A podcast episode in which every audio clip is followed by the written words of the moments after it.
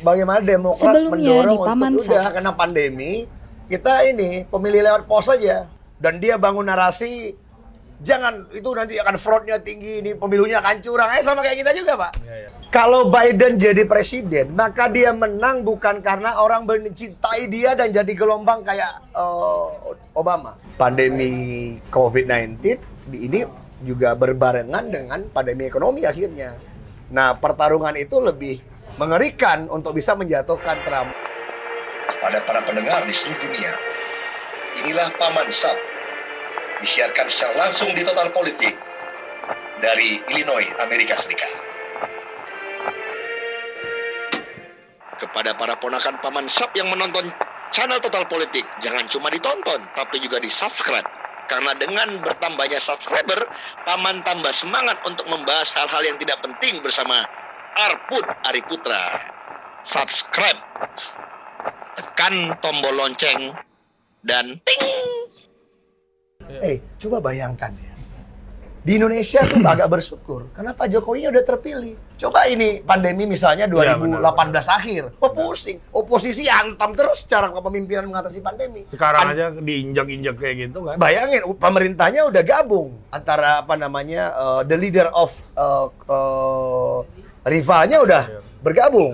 Jadi masih dikritik kan kalau lagi terbelah pandemi, mungkin incumbent berat, Pak. Nah, dan inka- uh, Trump berada dalam posisi itu. Ya, ya, ya. Jadi ya, dia ya, lagi ya. pandemi, lagi belum turun juga, mau pemilu. Dan dia kemarin iseng-iseng ngetes market, nge-tweet gimana kalau kita ken, apa pemilu diperpanjang, wah rame kan. Padahal, wah ini dibikin orang rasis, oh, enggak demokratis, tiran. Padahal pernah pak, zaman Roosevelt. Apa? Empat periode jadi presiden, lagi perang. Ya, ya. ya. Tapi gini, Di apa- atas eh, apa Laut hikmahnya? Atlantik. Ya. Paman nggak bisa tidur. Akhirnya hidupin apa namanya film. Wah, gua agak mantap. Jadi Churchill. Churchill. Ada satu adegan yang menurut gua itu keren. Jadi waktu Churchill diangkat jadi prime minister, perang. Hmm. Tahu nggak yang dia lakukan? Dia ngadep sama raja dan dia rapat sama teman-temannya kemudian dalam Dan beliau namanya, tentara kan ya? oh, dan uh, war minister Ya. oh. dan dia aktivis partai, tapi eh, yang dia lakukan, dia kumpulin koalisinya, dia ngomong di parlemen, dia tawarin beberapa kursi menteri ke oposisi. Hei, lu gabung sama gua, kita lagi perang, udah nggak ada demokrasi-demokrasi dulu. Dan gua pikir-pikir, ini bener. Amerika pusing, negara demokratis. Dua bulan di TV Amerika itu debatnya soal presiden pakai masker atau enggak lo bayangin. Lagi pandemi. Jadi yang sebenarnya tapi salah. Harusnya Trump belajar sama Churchill. Iya, iya. Harusnya ketika pandemi, udahlah kita jangan dulu berantem. Nih Demokrat gue kasih lu sekretari atau berapa nih. Iya. Lu kan kuat di, ha, lu pimpin dulu lah. Mungkin beda ya, dia jadi bisa untuk menggabung mem- mem- Tapi dia bisa kehilangan base-nya. kayak Eh gitu. tapi kan beda gitu loh. Mas gua gini loh, gua Oh, membayangkan. pemilunya bisa lebih panjang. Ah, gitu. lebih panjang. Ya. Karena diajak gabung, apa susahnya? Iya, iya. Tunggu dulu nanti kita tarung-tarung gitu kan ya. Eh, lu gabung, tapi gua terinspirasi Churchill. Artinya yang lagi perang adalah eh, Ame- Eropa dengan aliansinya ngajak apa namanya eh, Amerika gitu menghadapi Jerman, Ya, fasisme Jerman. Kata Churchill, nanti dulu kita gak kita Iya, iya, iya. Ya, iya. maksud gua, ini lagi perang lawan pandemi ya memang harusnya gak ada demokrasi. Pak. Jadi menurut gua inspiratif juga nih Churchill. Jadi Iya. menurut gua kalau lagi perang lawan pandemi ini ya harus sama-sama, Pak. Memang Itu- harus bersatu. Itu juga yang disampaikan oleh si ini kan, siapa filsuf Jerman Karl Iya. Schmitt. kan. Apa itu, Ri? Gua Dia tahu. bilang ketika krisis itu adalah la- jalan untuk melampaui demokrasi katanya. Nah, oh, Iya. baru dengar. Baru dengar ya. ya. Ya, jadi lu ketika negara institusi politik mendefinisikan ini krisis, Demokrasinya Boleh ya, dilongkahi dulu. Ya, Iya. akhirnya Roosevelt jadi empat periode. ya, presiden. oke-oke aja kan. Oke-oke aja. Ya. Dan Habis tadi. itu, habis perang Amerika demokrasi. demokrasi lagi. Nggak ada yang gitu hilang. loh. Jadi kan maksud gua gitu. Dan Pak Jokowi udah meraktekin ini, iya kan? Walaupun bukan karena pandemi. Bukan, bukan. Udah capek berantu-antu mungkin. Iya. Udah ingin bersatu aja, Ya bersatu. udah lah pe- periode kedua gue mau Iya. beresin semua Iya. deh gitu kan. Oke Paman, ini kita lanjut Paman. Ini juga soal rasisme dan ekonomi itu, gue Oke. ingat juga. Onde mande. sudahlah Teta lu. Endorse lagi. Endorse Oke. martabak Mesir Macir. Maci. Nah. ini, oh, ini luar biasa. Martabak Mesir yang mempromosikan liberty, equality, and Pursuit of happiness. Waduh, mantap ini mas ya. nih. Iya. Oke, nah gue ingat gue baru nonton juga The Last Dance Michael Oh, Jordan. Michael Jordan. Iya kan ketika Nonton lagi ya? gara-gara kita ngobrol malam itu, ini kayaknya menarik juga gue tonton. Cuman 10 seri. Iya, enak. enak. 10 bentar selesai gue semalam.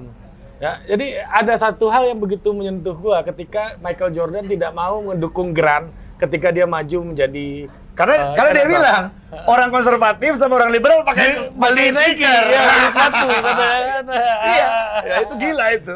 Ini ekonomi. Ekonomi. Ya, bukan rasial lagi. Nah itu berarti gini, jauh sebelum Zuckerberg menolak untuk ngeband Trump, Michael Jordan udah ngalamin. Ngalamin, Tapi iya. kebalikan. Zuckerberg kan yang mendorong kan orang berkulit putih. Iya. Kalau ini kan orang-orang berkulit hitam. ya kan? Iya. Jadi itu makanya Lu lihat juga catat Iya, ya. Iya, catat bagian itu tuh menarik banget. Oke, menurut Pak Mansap, salah satu sistem birokrasi di Amerika Serikat seperti sistem birokrasi di Amerika Serikat itu seperti apa yang dapat dicontoh oleh Indonesia? Udahlah ini ini menarik pertanyaan. Hikmah, hikmah, Bukan hikmah. hikmah. Ini apa Gini, ini? Jadi Salah gini, lagi jangan akhirnya gini. Gua kemarin tuh lagi bahas fenomena deep state. Apa? Deep state. Ah, Ini kan lagi rame ya. Trump tuh membuat satu terminologi lewat Steve Bannon sebuah eh, frasa namanya deep state. ya. Dan selain menghajar far left, Trump melawan deep state kan. Deep state ini adalah orang-orang ini kayak konspirasi.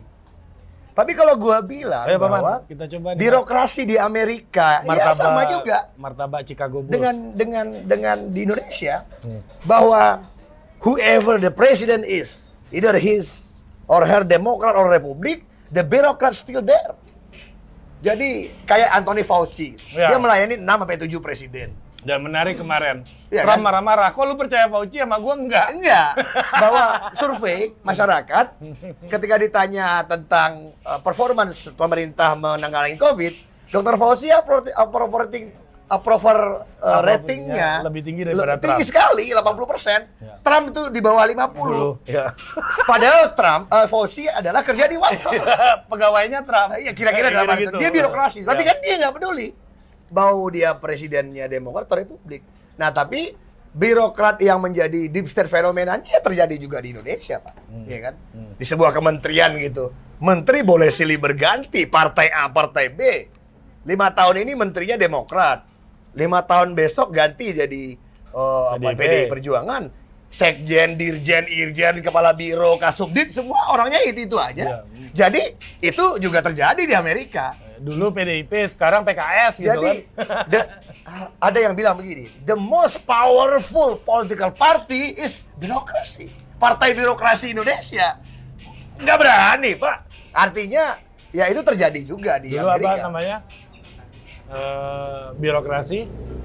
ABRI birokrasi Golkar, ABG, ABG. ABG, ABRI birokrasi Golkar. Itu Orba. Orba. Itu juga terjadi ya, sama aja ya. Iya. Nggak jelas nih.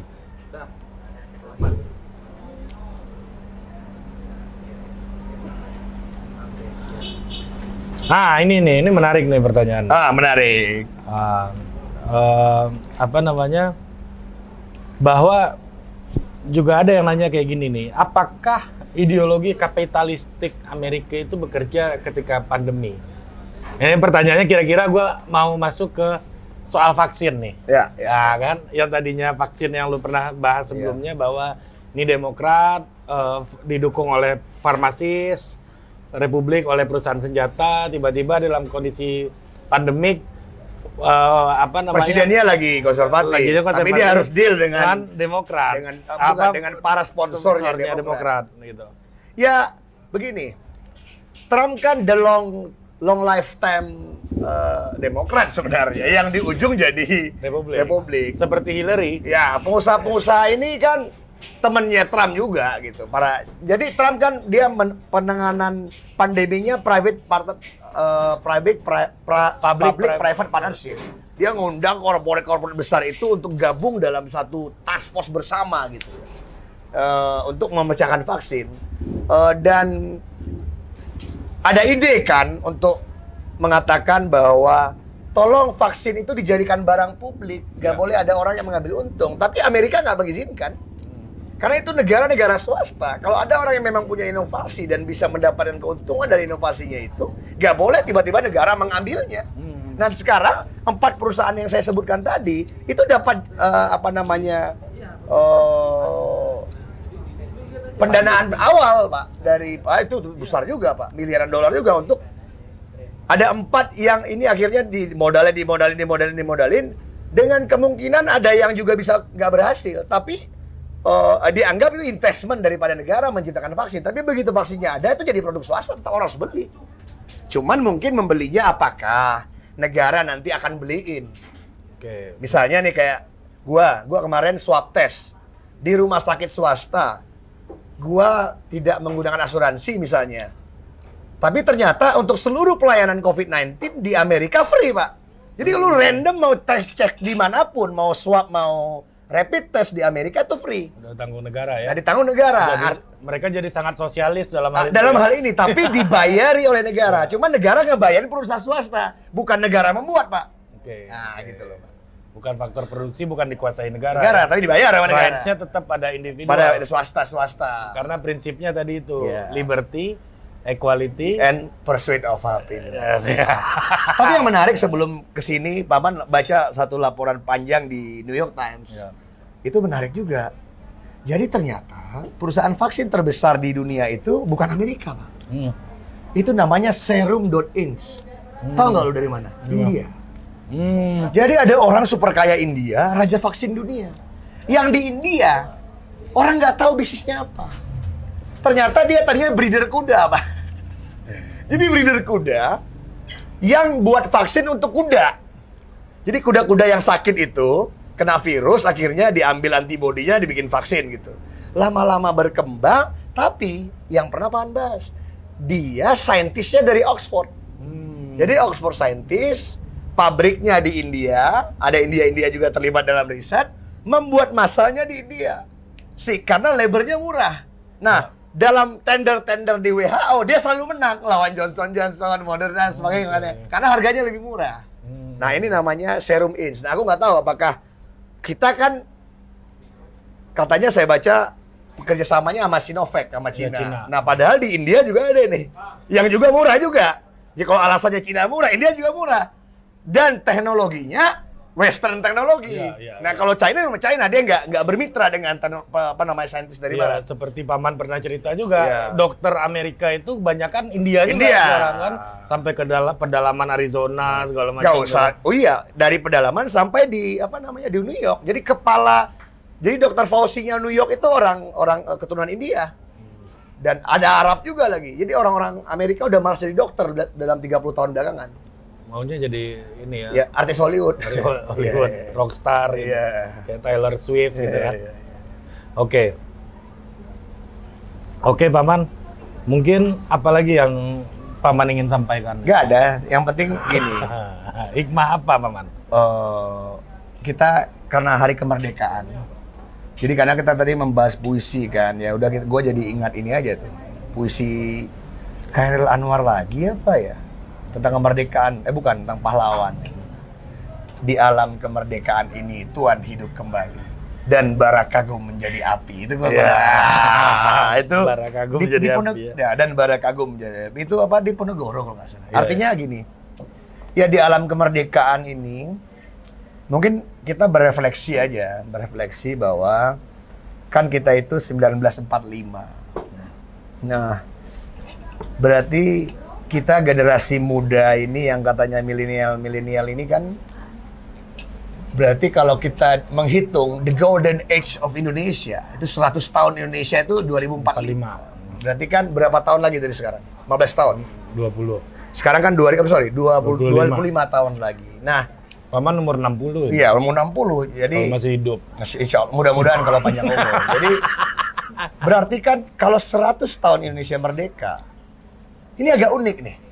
Dan semua negara akan merayakan 100 tahun kemerdekaannya sebagai ini 100 Ya. years gitu. A century. gitu. Uh, a century. Nah, kita ternyata Ri, di 2045 itu puncak bonus demografi Indonesia.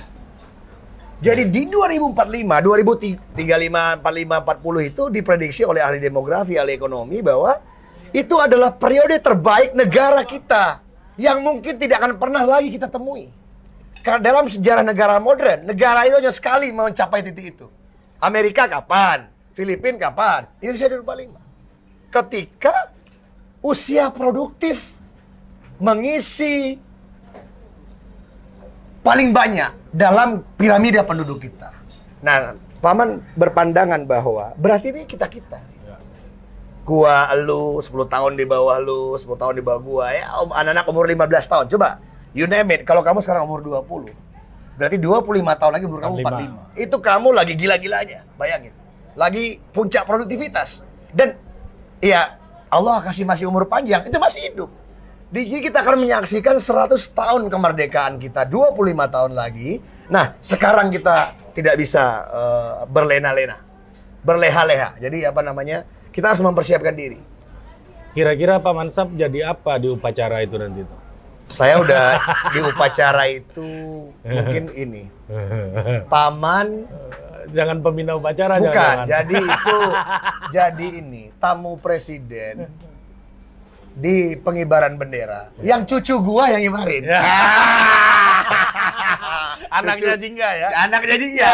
jadi ini pengibar bendera, ya kan? Mas Kibra, Mas Kibra. Mas Kibra. Ya, ya, ya, ya, ya. Cuma nanti eh, waktu dia dia bawa bendera, terus dia jalan di stan- ke tangga, dia ngambil Baki. baki presiden. Presiden itu omnya teman paman. Nah, itu om, nah, omnya dia kenal. Ya. ya. Eh, Sering main-main ke rumah paman tuh Ya. presiden. Nah. om anak lu maksudnya. Iya. Bukan om cucu lu dong. Iya iya iya om cucu om cucu. Iya iya iya om cucu om cucu. Oke, Oh iya om Ana om om Ana. anak. Enak nih martabaknya. Iya maci ya. Hmm, ngaji mantap ya. Wah luar biasa. Oke, langsung aja datangi eh, sosial medianya. Di situ ada semua menunya. Macia JKT. Macia JKT ya. Ini apa namanya? Ini aparel resminya Pak Mansap ini. Ya ini apa namanya sponsor utama Pak. ya. Karena paman kalau sedang di Indonesia ya makan di sini. ya, ya. Satu-satunya restoran yang paman bisa gratis makan. kan aparel. Bukan. Jadi paman tuh dapat premium card di sini. Di premium card itu kartu di mana gue makan maci di mana pun nggak bayar seumur hidup.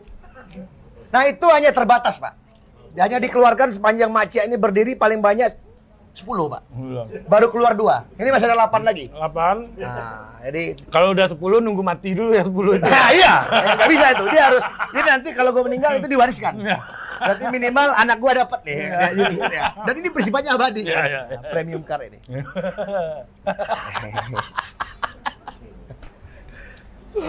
Oke, jumpa lagi di Paman Sap berikutnya.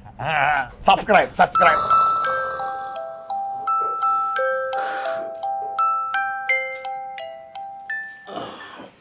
Gila. Ah, gila sampai mimpi gua sama Paman Sap deh. Aduh. Saking kangennya gue nih sama, sama dia udah lama gak ketemu nih.